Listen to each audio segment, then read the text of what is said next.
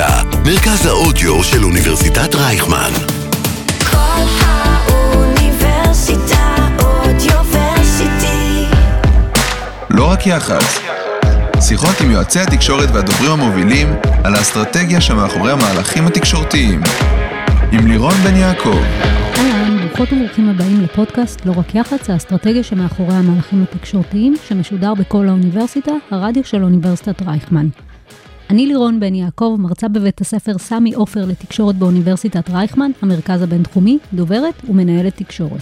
נמצא איתנו היום עמרי שיינפלד, מנהל קשרי הציבור בוולט ישראל.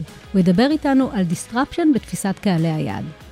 עמרי התחיל את הקריירה שלו בערוץ הכנסת כתחקירן עם סיום לימודיו באוניברסיטה העברית. לאחר כשנתיים עבר לצד הפוליטי כדובר רשימת ירושלמים למועצת העיר. לאחר מכן מונה ליועץ סגנית ראש עיריית ירושלים רחל עזריה, וכשמונתה לחברת הכנסת מטעם מפלגת כולנו, המשיך איתה. בהמשך מונה לדובר המפלגה, וב-2018 שימש כיועץ תקשורת לשר האוצר משה כחלון. אחרי שנתיים עבר למגזר העסקי כמנהל התקשורת של קרן JVP, והחל ממאי 21 משמש כמנהל קשרי הציבור של וולט ישראל. עוד דבר עליו, בזמנו הפנוי הוא חבר הנהלת הפועל ירושלים בליגת העל בכדורגל. היי עמרי, שלום לירון. איפה העבודה יותר מספקת? בפוליטיקה או במגזר העסקי? אמ, שאלה קשה. השאלה היא אם במישור הלאומי או במישור האישי. לא, יש איזו תשובה כזו של אה, פוליטיקאים. אבל אה, בוא, בסוף כולנו. עושים לביתנו. אה, נכון. אבל אני, את יודעת, אני רוצה שנייה להרחיב על זה. אני מירושלים. עמרי שיינפלד, נשוי לדקלה, אבא לארבעה, מירושלים. ואני כמעט כל יום עושה את המסע הזה בין ירושלים לתל אביב. ברכבת עם קטנוע, בצורה מאוד יעילה ונעימה, אבל עושה את המסע הזה, וזה כאילו אני עובר בין שתי מדינות. ואני, הסיבה שאני אומר את זה על השאלה הזו, זה בגלל העולם הציבורי והעולם העסקי. שאני קורא לציבורי ירושלים ולעסקי אה, תל אביב, למרות שזה לא בהכרח בחלוקה הגיאוגרפית הזו. והעולמות האלה הם מאוד מאוד, מאוד מקבילים, אה, ומאוד מאוד אה, שונים, ואין הרבה, הרבה ערבוביה ביניהם, ואז כשיש לך את זה, אז אה, זה נכס מאוד מאוד גדול. אה, אז אה, את שואלת איפה הסיפוק? אני חושב שבציבורי עושים דברים שיש להם סיפוק ענק בגלל הרוחביות שלהם, בגלל המשמעות. זכיתי להיות חלק מנגיד אה, פרויקט מחיר למשתכן ודברים כאלה, אה, אה, אבל יש המון המון פוליטיקה ופשרות ודברים כאלה בדרך.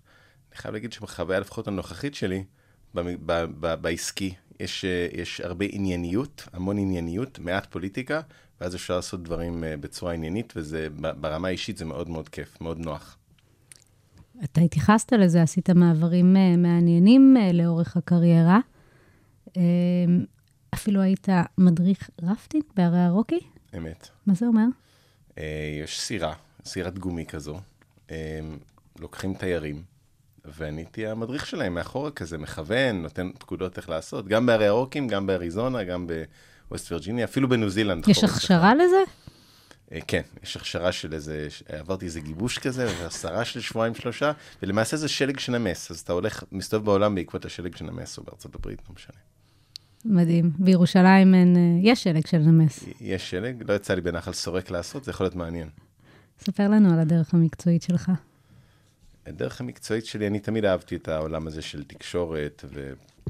מה למדת? בחדשות. אני למדתי יחסים בינלאומ- יחסים בינלאומיים באוניברסיטה העברית. למדתי גם שנה תקשורת, אבל זה היה לי קצת אה, משעמם, כי לא למדתי את זה פה ברייכמן. אחרי ש- שנה פרשתי ועשיתי לימודים משלימים, אז לומדים ככה הכל, זה מאוד נחמד. במדעי החברה. כן, בדיוק.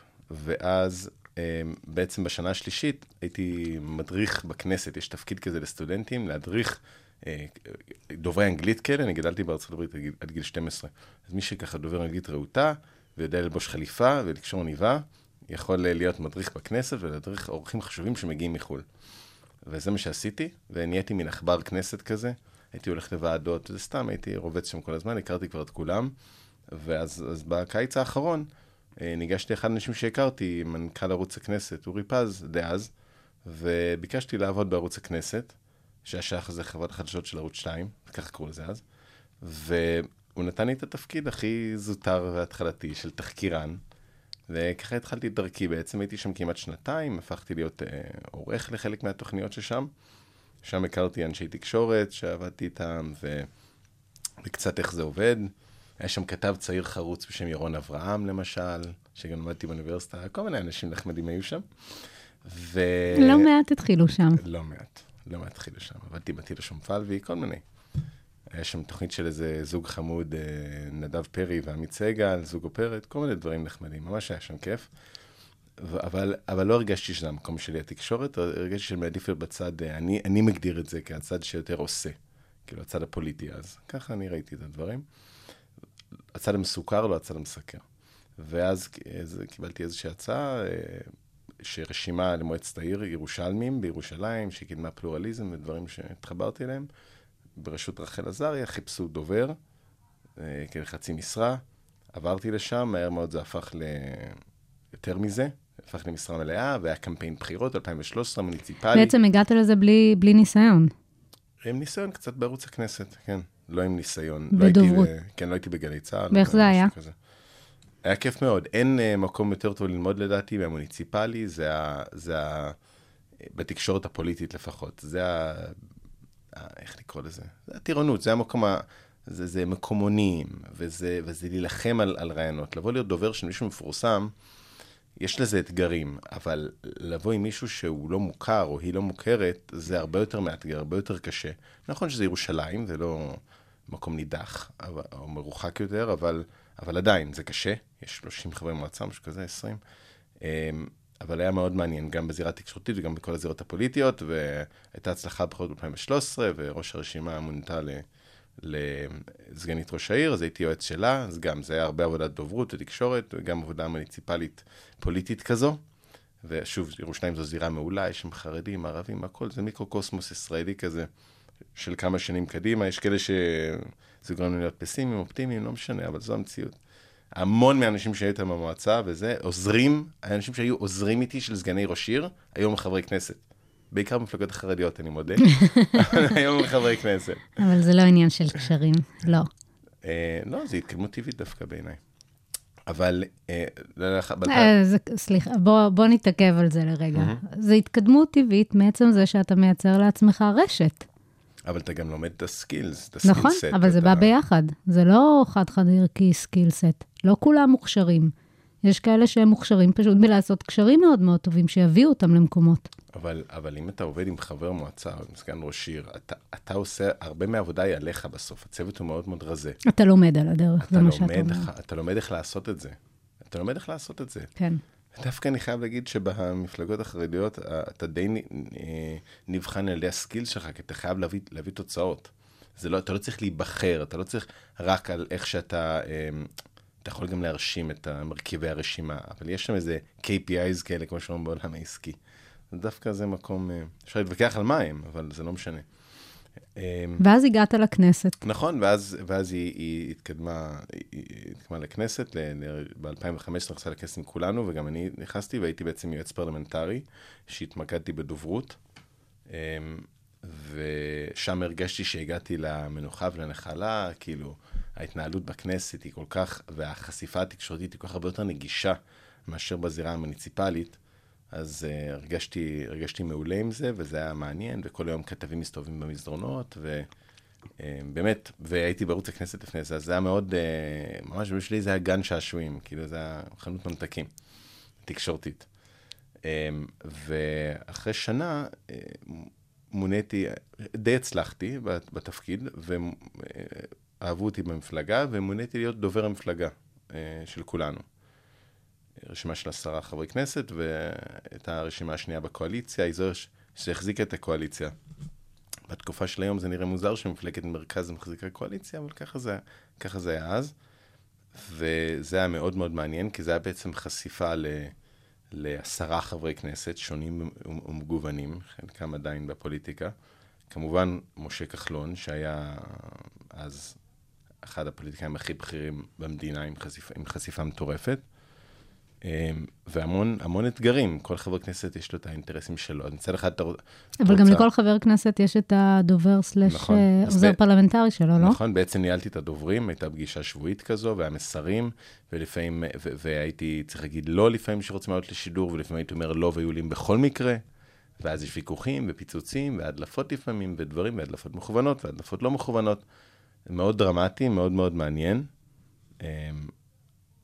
ושוב פעם, להיות ב, ב, באמת, אה, חנות ממתקים הזו שנקרא הכנסת, עם כל החשיפה וכל האנשים שם, ולילות לבנים, זה היה פשוט פנטסטי, היה לי גם אישור כזה להיות במליאה למטה. אה, בפרסה מאחורה, למעטים שמכירים את המקום הזה, זה הלאונג' איפה שהחברי כנסת, שהמליאה כאילו ריקה, בעצם החברי כנסת שם, מאחורה, הם לא במזנון כל כך, הם יותר שם. אז אה, דברים מאוד מאוד מעניינים ש... אז למה עזבת? אתה מדבר על זה בכזו...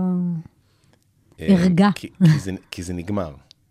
קודם כל, לא סיימתי עדיין, ואז עברתי להיות דובר של שר האוצר, שזה עולם הממשלה. שעולם הממשלה הוא אחר מעולם הכנסת, הוא הרבה יותר קונקרטי, הוא המון עבודה עם פקידים, ובאוצר זה לא...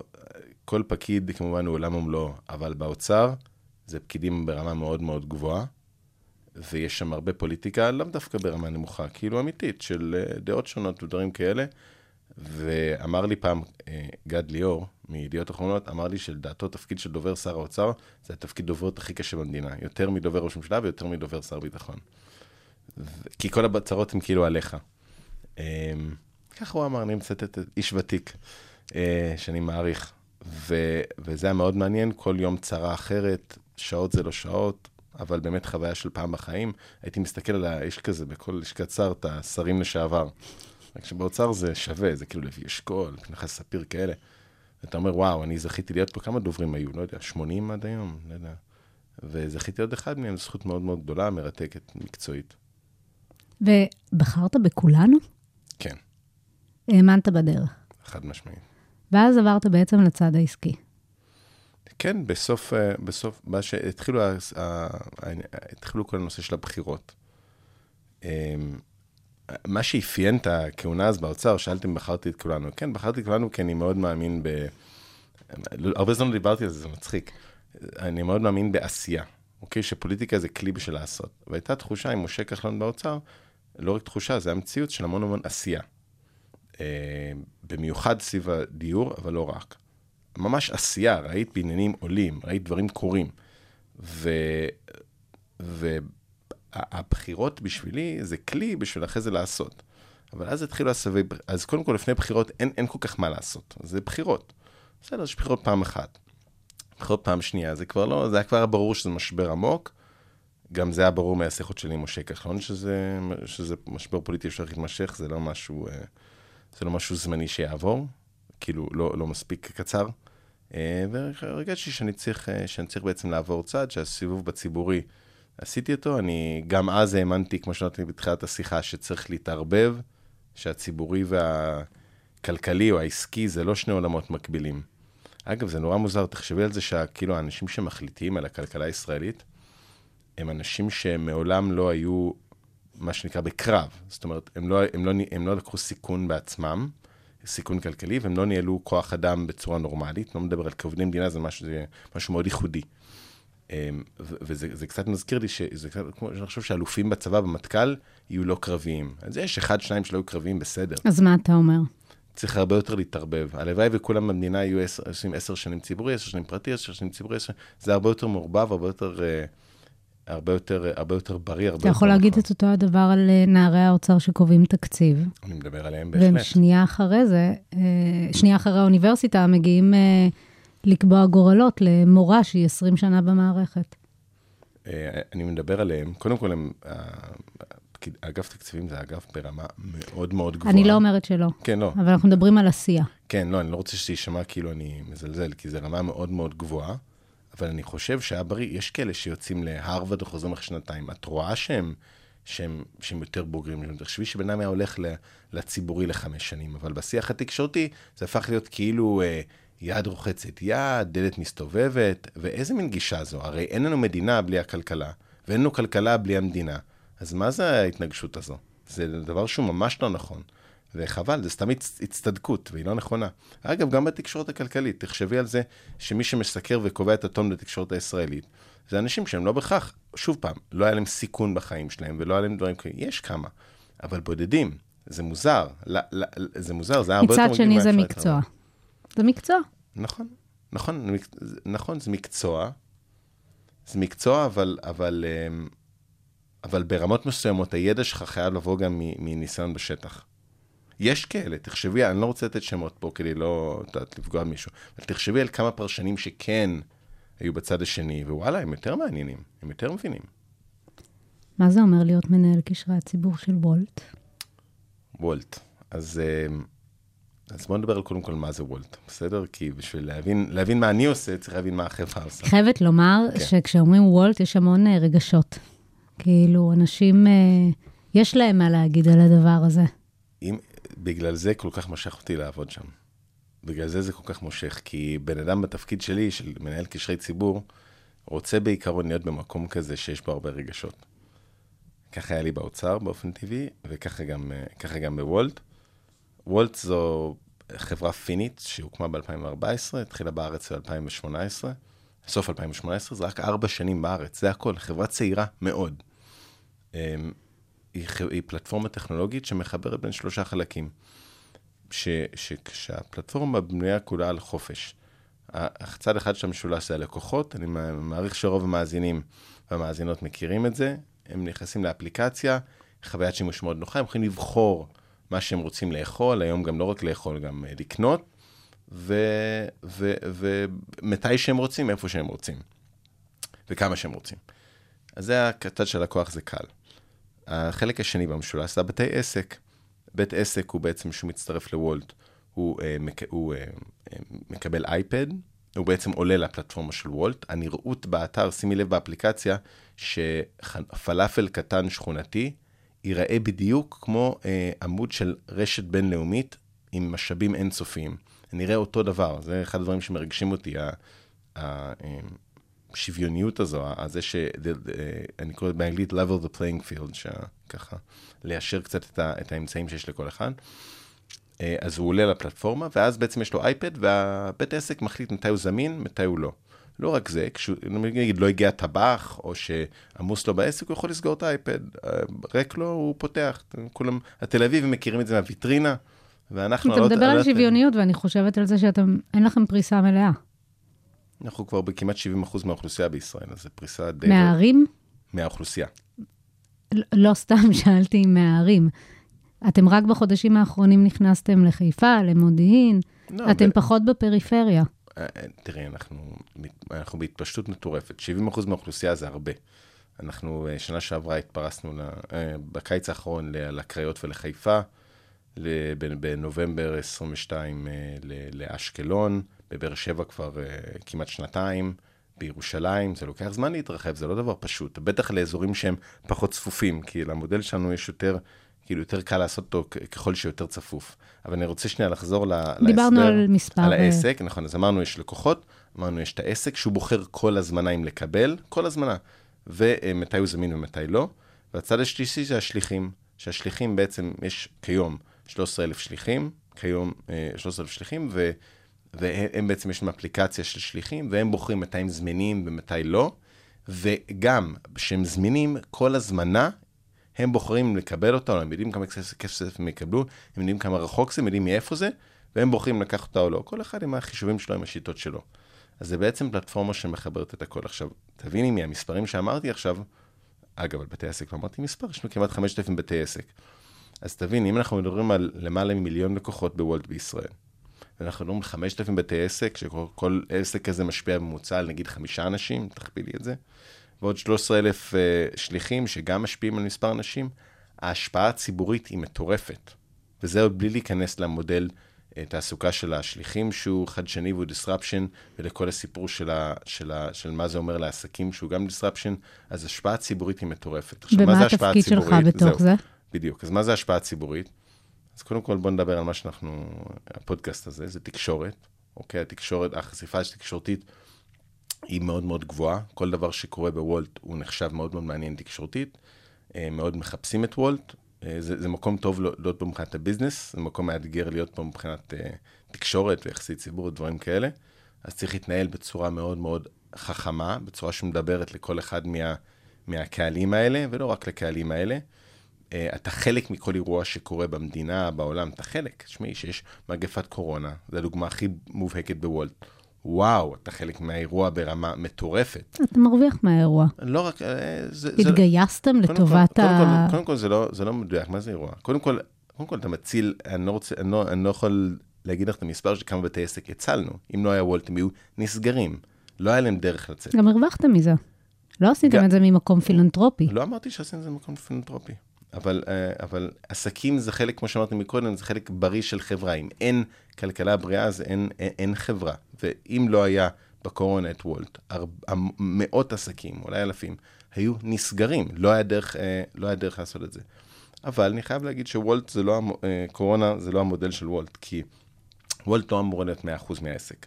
זה אמור להוסיף לעסק 20-30 אחוז, זה מה שזה אמור להוסיף. ככה זה מתומחר וככה זה הכל בנוי. אז אנחנו מאוד לא אוהבים קורונה, ואנחנו שמחים שזה עבר. אבל בוא נדבר אבל, רגע... אבל, אבל בוא נדבר על נגיד שומר חומות, במבצע שומר חומות, או עבודות רכבת קלה בתל אביב, שזו דוגמה שתל אביב מכירים מאוד. אתה הרבה פעמים, אתה מין סוג של רשת, רשת ביטחון לעסק. זה דבר שהוא מאוד מאוד דרמטי, במדינה כמו ישראל, שיש צרות על ימין ועל שמאל, זה דבר שהוא מאוד מאוד חשוב. בוא נדבר רגע תקשורתית. יש לא מעט ביקורת על וולט, על מודל השליחים אה, ועל ההתנהלות של וולט. איך אתה מתמודד עם זה? אני, אני שומעת אותך והמסרים של וולט מאוד מאוד ברורים לי. השאלה שלי מהפרספקטיבה שלך כמי שאחראי על, ה, על ניהול התקשורת של וולט, איך אתה מתמודד עם זה? אז אולי ניקח דוגמה ספציפית, נלך על המודל של השליחים. אז אני אגיד עוד פעם, אני הולך להגיד עכשיו בדקה את המודל שליחים, ואז אני אסביר איך אני אתמודד עם זה כמנהל תקשורת בוולט, אוקיי? המודל השליחים של וולט בנוי על, על, ה- על, על אה, שתי עקרונות, על, על הגמישות של השליח, שהוא בוחר מתי הוא עובד, אוקיי? הוא יכול לבחור עכשיו גשם, הוא יכול לעשות מלא כסף בגשם, כי יש מלא ביקוש ומעט שליחים, ובונוסים הרבה פעמים. או שהוא רוצה להיות בבית ולא להירטב, זה הרוב אגב. הרוב רוצים להישאר בבית מתחת לשמיכה, זה הגיוני, גם אני הייתי נשאר. אה, אני נשאר, אני גם שליח לפעמים. אה, אז זה בנוי על גמישות ו- ו- ו- ותגמול גבוה, אוקיי? כל אחד יכול להיות שליח?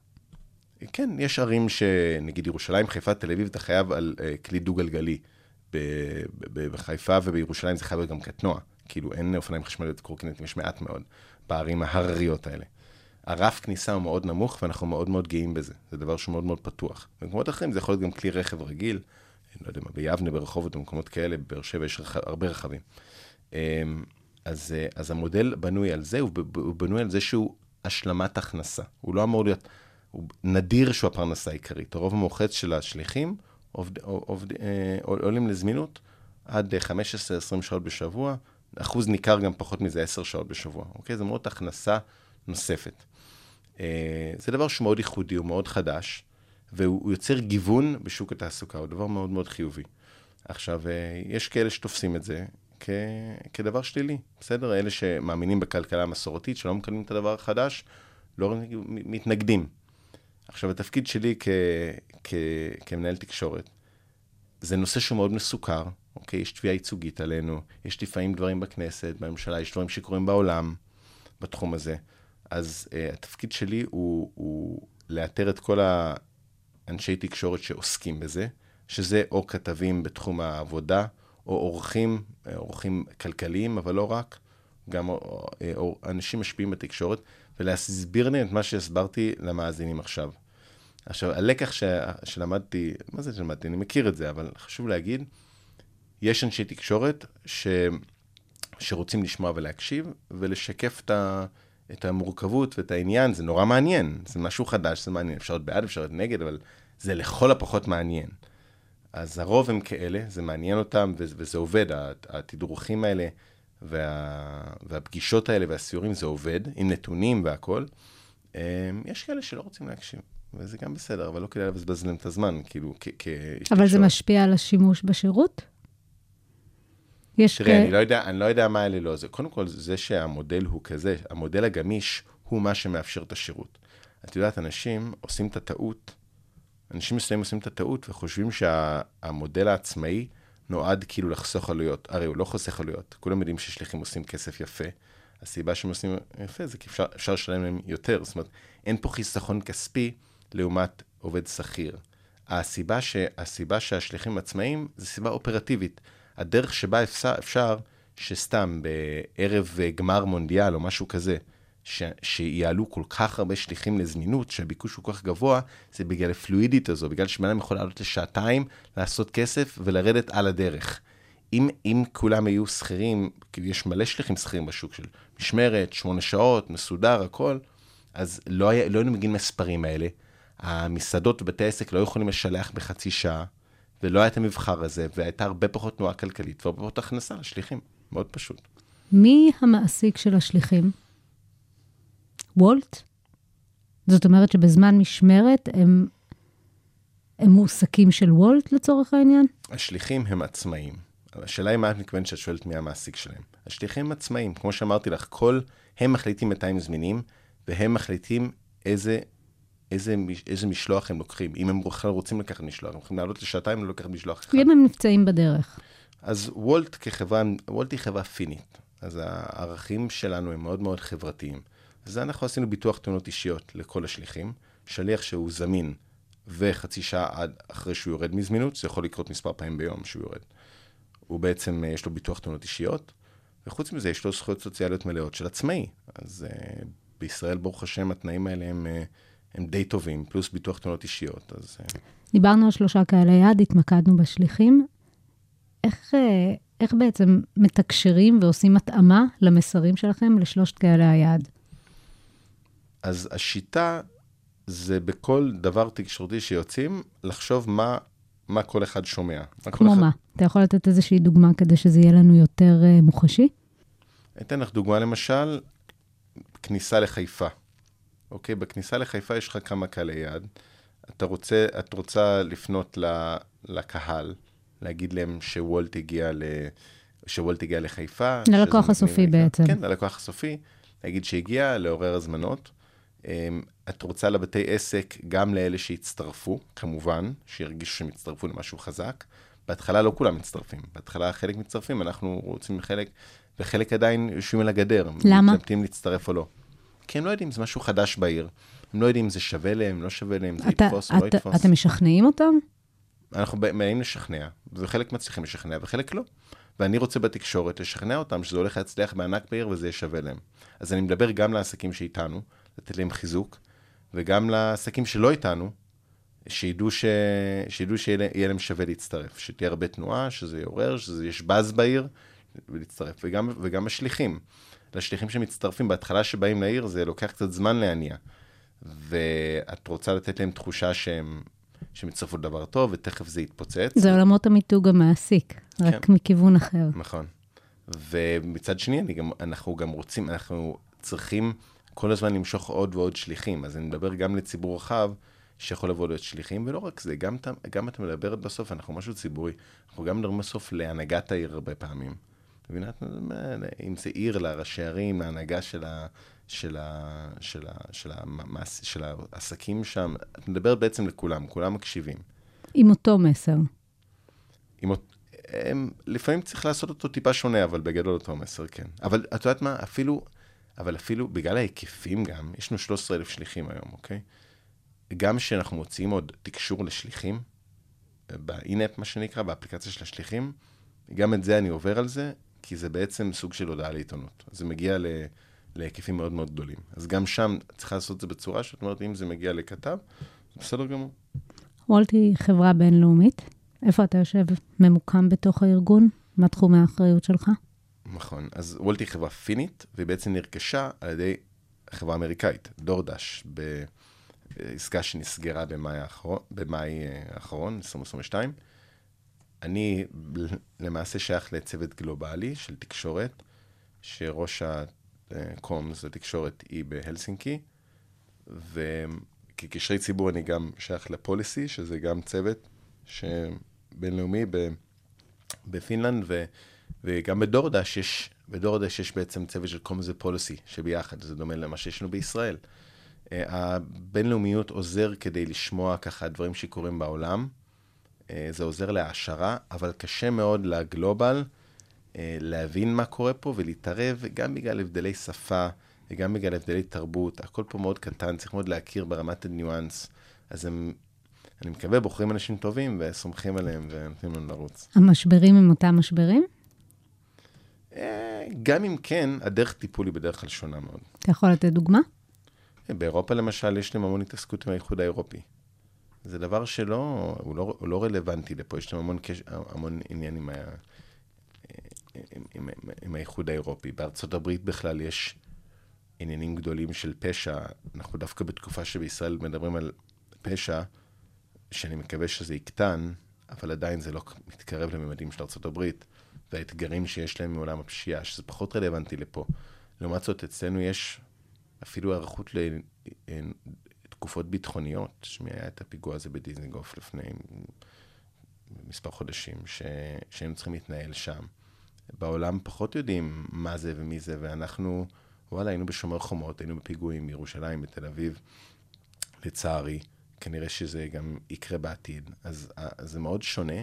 אפשר ללמוד אחד מהשני, אבל לא צריך להתמכר לזה, למרות הסקסיות של החו"ל, כי זה באמת, אנחנו באמת משהו ייחודי. ואיפה אתה ממוקם בתוך הארגון? אתה בעצם מדווח למי? אז למי? אני עובד מאוד קרוב עם מנכ"לית וולט, ליאור אשכול, ממש באופן יומיומי, הרבה מדברים ועובדים יחד על הדברים כאן, ואני חלק מהנהלת החברה בישראל.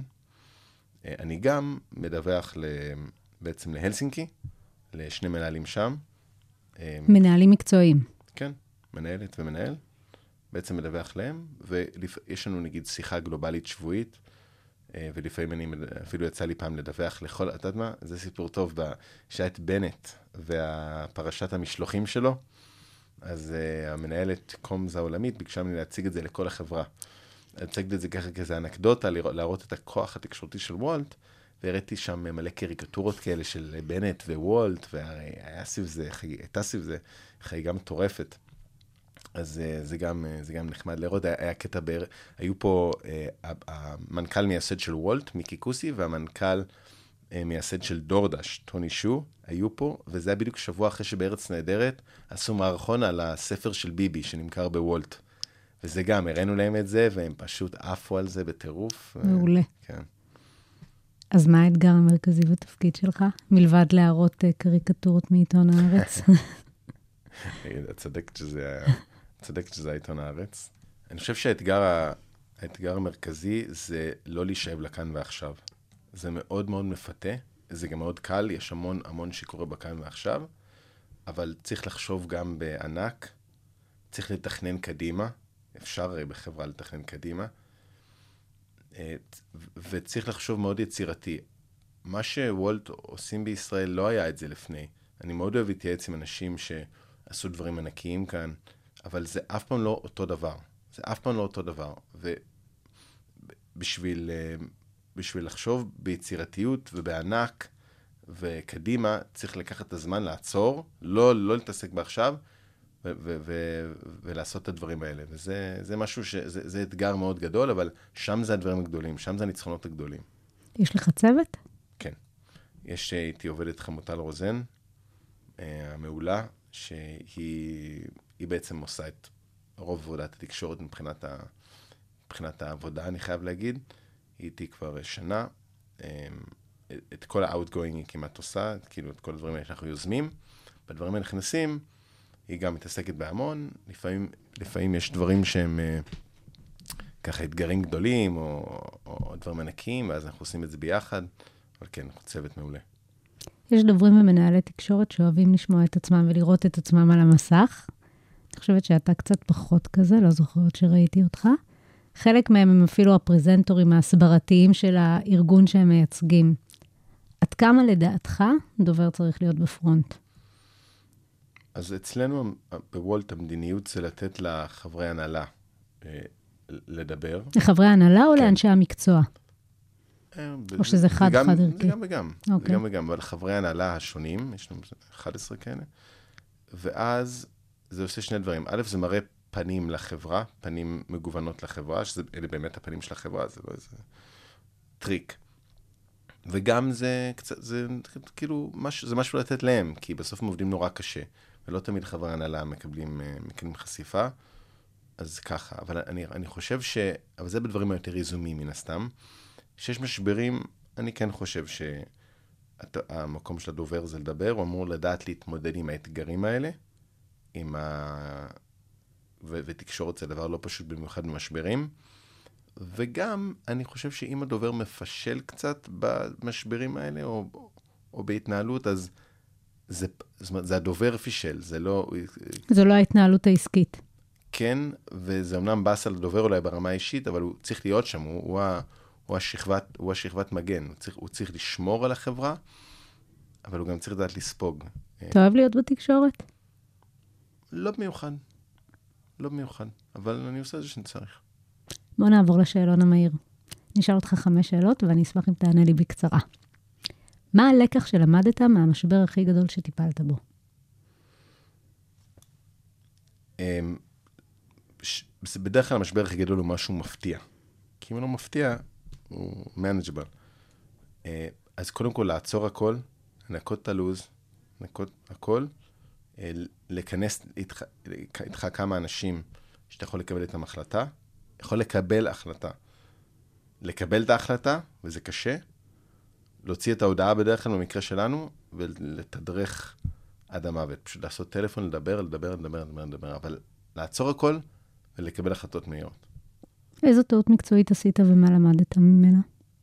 אני לא אחשוף פה את הטעות, אבל עשיתי משהו שלא הייתי צריך לעשות. במקצוע שלנו, דווקא בחברה פחות, יותר אולי בפוליטיקה, אתה מתעסק בשם, בשמות של אנשים, ב- ב- ב- ב- ב- ב- באנשים, בדמויות ספציפיות. אז, אז אם אתה עושה משהו גדול, כדאי לוודא, אפילו שאתה רוצה להגדיל ראש, כדאי לוודא שזה מתאים לשם שאתה משתמש בו, כדי שלא תתחרט. אוקיי, מסקרן. באמת מסכם. מה הייתה ההצלחה המקצועית הכי גדולה שלך? אני אקח דווקא מוולט משהו שאני רואה בו הצלחה, ואני עובד מאוד קשה כדי לשמר את זה, שזה, שוולט זה brand מאוד מאוד תל אביבי, אבל הוא brand גם ארצי, ישראלי. וזה לא מובן, כי יש, יש הרבה, ש, שמשהו הוא תל אביבי, לפעמים הוא, מה שמחוץ לתל אביב הוא נתפס כ, כמשהו אחר, הוא יכול להתפס כמשהו טוב, יכול להיות כמשהו אחר, מנוכר, מתנשא, אני לא יודע מה. ובמיוחד בשנה, שנה וחצי האחרונות, עם, עם ההתרחבות הגיאוגרפית שלנו, לי היה מאוד חשוב שגם אה, גיאוגרפית נתפס סבבה בקרב כל האוכלוסיות, וגם הכניסו אותנו לפוליטיקה בעל כורחנו לא מעט פעמים, והצלחנו להישמר מעל זה ולא להצטייר כ, כאיזה צד פוליטי. אלה הצלחות, זה, הרי בדוברות מה הצלחה? הצלחה זה מה שמנעת, כמו ביטחון.